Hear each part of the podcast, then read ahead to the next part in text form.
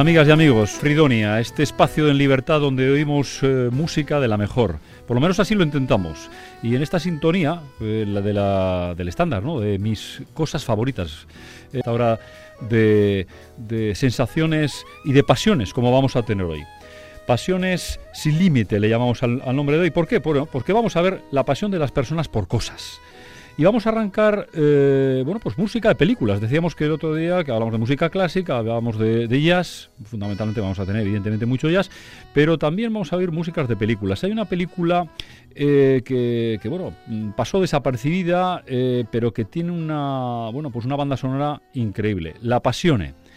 Eh, con un músico eh, sensacional como es Chris Rea. Aquí le vamos a ir en vocal, a él cantar con Shirley Bassey en, en una obra eh, en la que le pregunta a ver si tiene un Ferrari. Luego lo comentamos.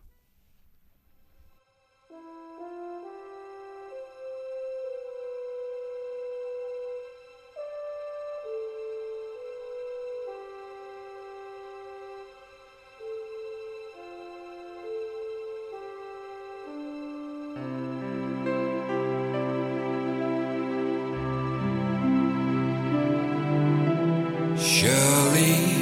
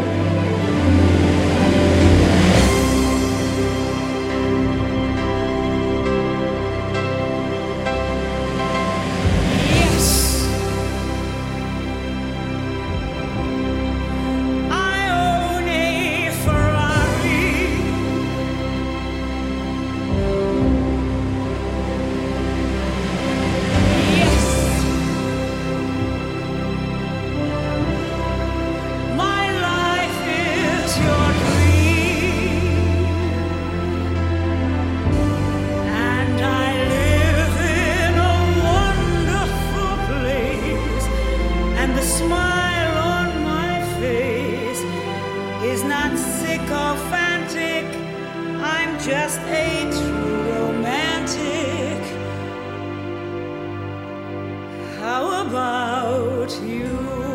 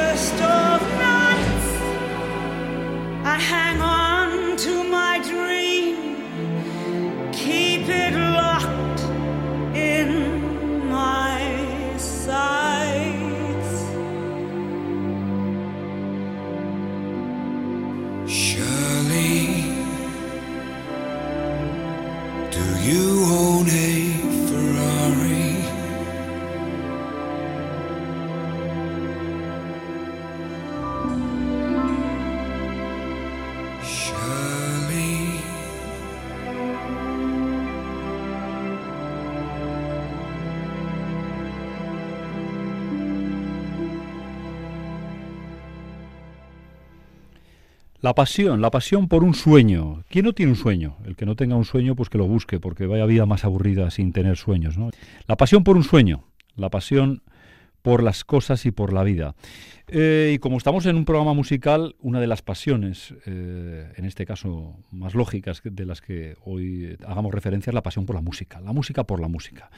Eh, bueno, yo cierro los ojos y le veo a los profesores de la Juilliard, ¿no? esos profesores maravillosos que tenemos todos los años en el Seminario de Jazz de Vitoria y que podemos eh, disfrutar de ellos eh, año tras año, gracias al, festival y a la organización del festival. Espero que lo sigan haciendo por, muchos años. Eh, vamos a irle en un disco que, les pudimos comprar y que realmente reflejan un poco pues, parte de, su obra, Flowers for Julie. Eh, flores para, para Julie, para la propia Juilliard School. ¿no? Y hay una de las obras que, ha hecho en este caso su director, Virtual Goins, esa persona extraordinaria que le tuvimos la oportunidad de, entrevistar y de, bueno, de estar con nosotros en estos, en estos eh, festivales, Greens of Blues. y ahí está, la pasión de los músicos por la música.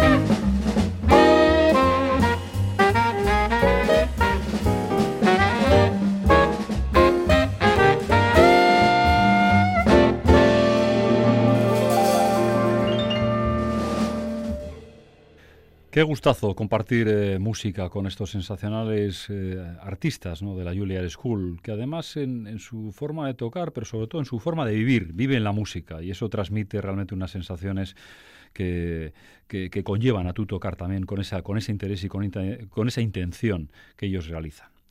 Eh, y bueno, seguimos un poco con referencia al Festival de Jazz, porque eh, ahora traemos a Sonny Rollins, que ha estado con nosotros, y, bueno, yo creo que representa perfectamente uno de los, de los tipos de pasión que hoy vamos a hablar, la pasión por la vida es un hombre eh, que es pura vitalidad. lo vimos a su edad, en unas condiciones ya evidentemente pues limitadas por la misma, moverse por el escenario con una energía, con una forma de tocar que bueno, pues impresiona realmente. Y además, yo personalmente le, tengo no sé, una gran estima, porque es un hombre que, a lo largo de su vida ha apostado siempre pues, por vivir esa vida y por vivirla por encima de, éxitos y de, situaciones económicas que a veces pues, nos, nos conllevan a hacer cosas que seguramente no son las más adecuadas. Él durante un momento, lo ha hecho en varios momentos de su vida, pero en un momento determinado, con un éxito tremendo, eh, dijo, bueno, no estoy tocando de la forma que me, que me, gustaría tocar, creo que toco con poca energía, mm, sin, mucho, sin mucha intensidad, y, bueno, tengo que cambiar. Y se cogió y se, y se marchó pues un largo periodo de tiempo, durante bastantes meses eh, y se iba todos los días a, un puente, a una zona donde bueno pues pasan todos los coches habidos y por haber de, en la zona de Manhattan y, ahí se ponía a tocar y realmente eh, él eh, bueno pues pretendía con eso conseguir desarrollarse y, como músico y también pues aprovechar un poco esta vida. Es un hombre de una vitalidad como decimos increíble. Por eso hemos elegido The Bridge el puente no dedicado a Sonny Rollins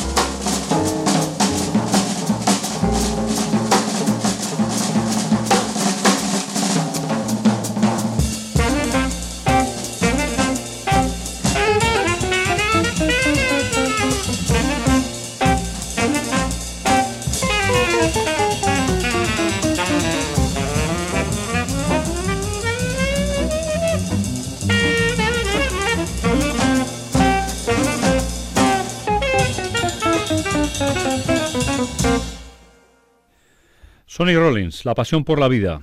Y pasamos a otra pasión, en este caso una pasión más cercana, la pasión por la familia, por las personas queridas. Eh, bueno, esto tiene una expresión grandísima en la, ópera, en la ópera donde se transmiten los sentimientos con esa, con esa intensidad. Eh, hay una obra especialmente bella eh, del creador, en este caso Mascagni, Cabalía Rusticana, una de las óperas eh, más bonitas eh, y que ha sido utilizada en diferentes momentos para películas. seguramente muchos de ustedes la recuerden en El Padrino 3, en esos momentos álgidos, en esos momentos finales de, de esta grandísima película en la cual utilizaba parte de esto que vamos a oír a continuación. Es el intermedio, es esa música intermedio entre, entre actos, bueno, que tiene una belleza especial.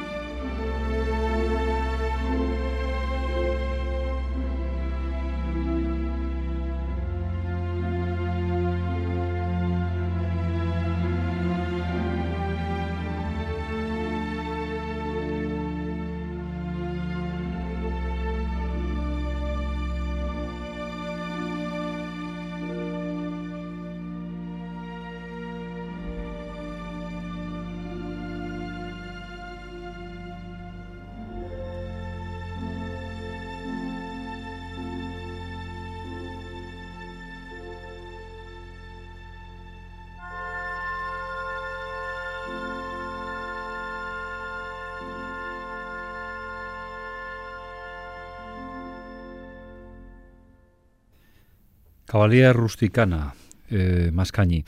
Eh, ya les decía, les habrá sonado seguramente a esos momentos finales del Padrino, donde, bueno, pues eh, al personaje eh, principal se le moría su, su hija, era, era, era se- muerta ¿no? de, un disparo delante de él y a él se le congelaba la voz. Ese- esa imagen de Al Pacino queriendo gritar y que no le salía nada por la boca, pues eh, es de, una belleza eh, que merecía esta, realmente esta, esta obra, ¿no?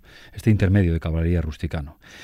El amor, el amor por, por los seres queridos. Y bueno, dentro de los seres queridos, el amor por la pareja, el amor por el ser amado, ¿no? Eh, y yo aquí vamos a colarnos en, en un momento en la habitación de la Traviata. Es decir, seguimos un poco en esa línea de ópera y en este caso pasamos de, de Mascaña a Verdi. Y nos colamos en esa historia de, de aquella mujer, bueno, pues con, con una vida eh, difícil y que en un momento determinado eh, de su vida encuentra al ser querido, pero bueno, pues la- las conveniencias sociales hacen que lo tenga que dejar, ¿no? Y el padre ha estado con el padre de él, el padre le ha convencido, ¿no? De, de- que no es bueno que ellos sigan juntos y, y ella le tiene que, que dejar, ¿no? Entonces va a hablar con él y, le va a expresar ese último, ese último deseo, ¿no? de, de- amor esa expresión de amor en una intensidad absoluta. Son dos minutos, eh, prácticamente el último minuto es el que se produce ese momento de, enorme intensidad, pero yo creo que hay, hay pocos momentos de la música donde, esa, esa transmisión de- del amor por alguien ha sido tan intenso. La Traviata, eh, con todos ustedes.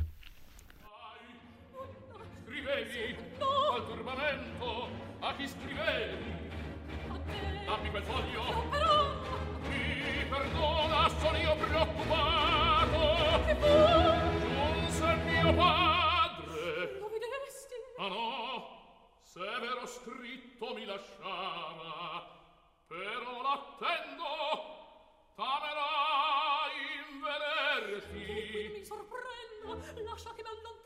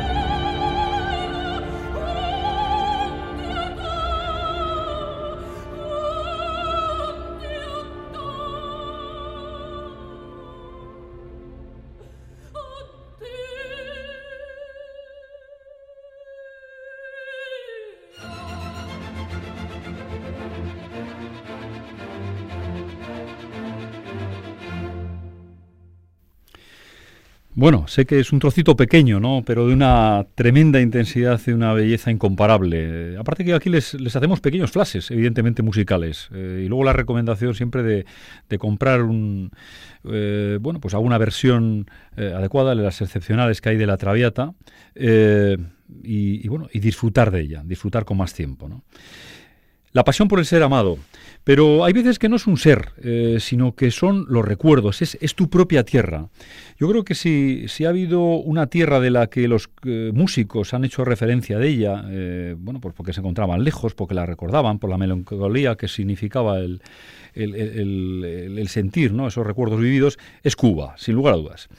Y bueno, eso nos lleva pues a oír eh, a, dos personas que han tenido una gran presencia en los últimos eh, festivales de jazz y una presencia importante en su, en su discografía. ¿no? Son padre e hijo, además, Bebo y Chucho Valdés. Aparecieron en Calle 54, que es un poco lo que les dio seguramente una, una especial notoriedad en estos últimos años. Y aquí eh, vamos a ir de las manos, en este caso de, de Chucho, eh, bueno, pues un- una pieza que, que nos recuerda esa, esa, esa música de, de raíces eh, latinas, eh, y en este caso podemos casi, sin ser cubanos, pero, pero sentir un poco esa, esa melancolía que ellos tienen por ese bellísimo país.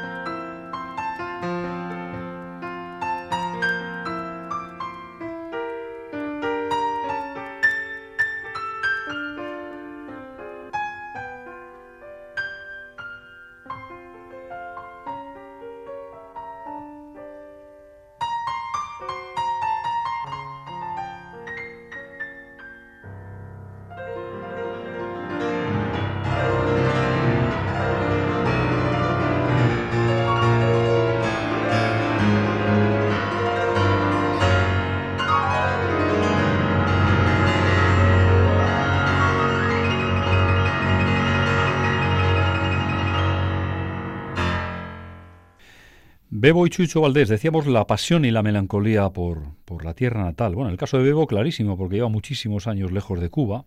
Eh, se marchó por amor, porque encontró a una sueca que, que bueno, pues le, encandiló. Y, y, aparte porque es un hombre que siempre ha buscado la libertad y bueno, ya lo, lo, ha comentado en diferentes entrevistas, no se sentía muy cómodo allí. En cambio su hijo, pues bueno, al revés, ¿no? Es decir, se siente muy cómodo allí, ha desarrollado toda su obra y es uno de los referentes actuales de la, de la música cubana. Seguimos mm, con pianistas. Hoy va buena ración de piano. Eh, Giovanni Mirabassi, eh, tuve la oportunidad de estar con él en París. Eh, yo si se van alguna vez, eh, hagan escapadas, por favor, hagan escapadas y vayan a ver música. Está muy bien el, bueno, pues el Euro Disney y además mm, París siempre tiene museos y cosas que ver. Pero hay una zona en Les Halles eh, donde hay, se juntan, bueno, pues unos, unos sitios donde van a poder un jazz de, de primerísimo orden, ¿no? Y uno de ellos es el, el Sunset Sunside, eh, son, son, es el mismo sitio, pero tiene como, como dos partes en las cuales pues ponen en conciertos de, conciertos de jazz eh, de primer nivel. Está justo al lado del Le Duc de Lombard, que es el otro, el otro gran referente histórico, y pegadito los dos, eh, sitios para disfrutar todas las noches, buenísimo jazz. Estuve hace unos meses allí disfrutando de Giovanni Mirabassi, yo creo que es uno de los mejores pianistas que hoy hay en la actualidad y, y, creo que representa la pasión por la libertad. Es un hombre que podía haber tenido mucho más éxito si hubiera tirado de, bueno, pues de los canales de comercialización eh, habituales, estuve charlando un rato con él. Es un hombre que, que su, bueno, es absolutamente deseoso de mantener esa libertad, de, de tocar lo que él quiere tocar, con quien quiere tocar y, seguir una línea, ¿no? Que, en algunos casos pues escapa de lo comercial y no porque toque un jazz eh, no agradable porque van a ver eh, la, calidad de, del jazz no hay un, unos discos eh, dos en concreto que, grabó además en este en este sitio el Sunset y que cualquiera de los dos es buenísimo. Yo les voy a poner el primera, la primera de las piezas, que allí la tocó, Ero Io, dedicado a, a Giovanni Mirabassi y a la pasión por el ser libre.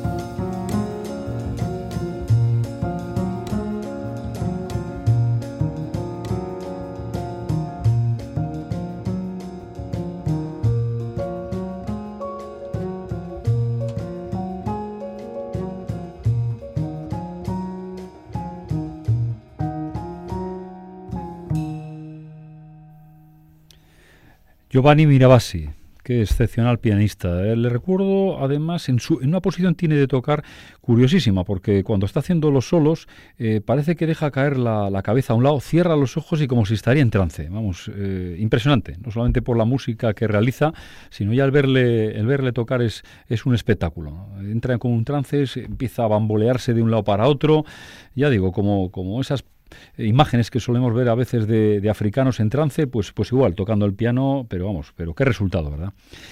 Bueno, vamos a seguir un poco eh, con, esta, con este recorrido de, de, pianistas. Eh, y les decía hace un momento, bueno, pues que aprovechen y vayamos a ver. Evidentemente tenemos pocos locales, no, tantos como, como, nos gustaría tener en, en, en, Euskadi, en Vitoria, en Bilbao, en, en Donosti. Tenemos, bueno, pues locales majos y locales que, que hacen un esfuerzo increíble por, por, por, traer buenos músicos y, bueno, que haremos referencia, eh, bueno, pues de vez en cuando en alguno de los programas a.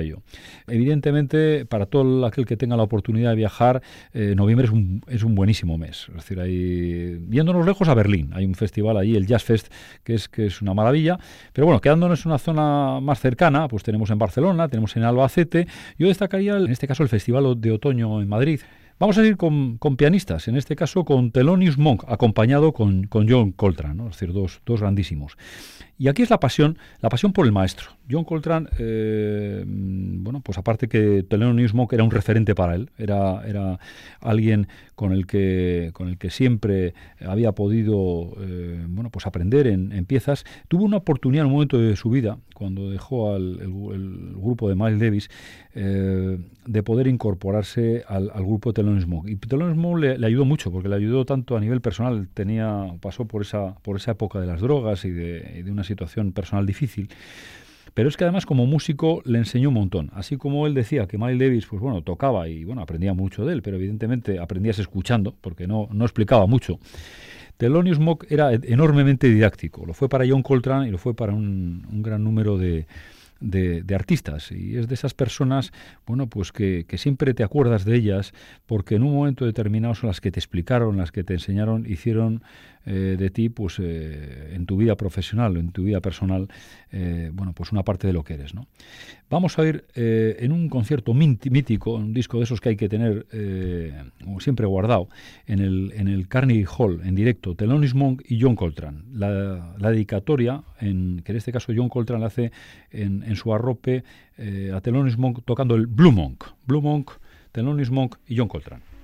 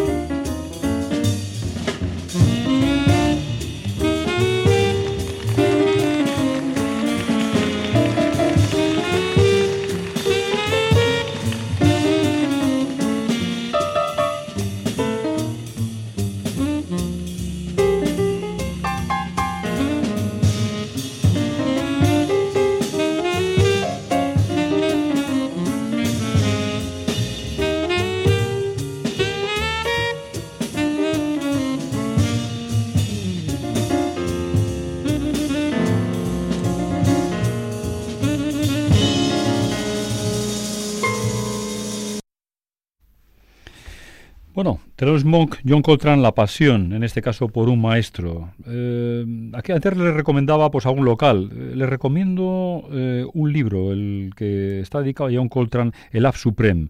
Eh, creo que es de la editorial Alba. Es un libro extraordinario, eh, lo leí hace, hace un par de años y ahora lo estaba recordando según oía esta, esta música y una parte de las, de las anécdotas. eh, libro muy interesante. Y va conectado un poco por otro libro, creo que es de la misma editorial, eh, Disfruta de mí si te atreves, que hace un poco referencia a distintas cantantes de, de jazz, fundamentalmente, pero vamos, diríamos de música en general, pero muy centrado en el jazz, y que también merece la pena. Quizá me gusta a mí todavía más el de El Af Supreme, el de la biografía de John Coltrane, pero, pero bueno, ambos dos son libros de, de disfrutar leyendo. Eh, y lo decía esto último porque bueno, nos va a cerrar el programa Billie Holiday. Billie Holiday que está mencionada en este libro y que realmente pues que su vida pienso que tiene eh, una referencia a la pasión eh, tremenda por el amor. El amor que en algunos casos conlleva el desencanto, pero que es la razón fundamental de vivir. Y como no podía ser de otra manera, eligiendo una canción que tenga que ver algo de manera intensa en este tema, como es Love is here to stay. El amor está aquí para, para durar, el amor perdurará. El amor, bueno, pues nos sucederá, seguirá estando por ahí en la vida y en las, personas cuando nosotros nos vayamos al, al otro barrio. Pero bueno, no nos vamos a poner tristes. Hemos acabado Fridonia, espero que hayan disfrutado eh, con este programa. Encantado de haber estado nuevamente con, con todos ustedes. Bueno, Love is here to stay. Billie Holiday. It's very clear our love is here to stay. Not for a year, but ever and a day. The radio and the telephone and the movies that we know may just be passing fancies and in time may go. But oh, my dear, our love is here to stay. Together we're going a long, long way. In time, the Rockies may crumble, Gibraltar may tumble. They're only made of clay, but our love is here to stay.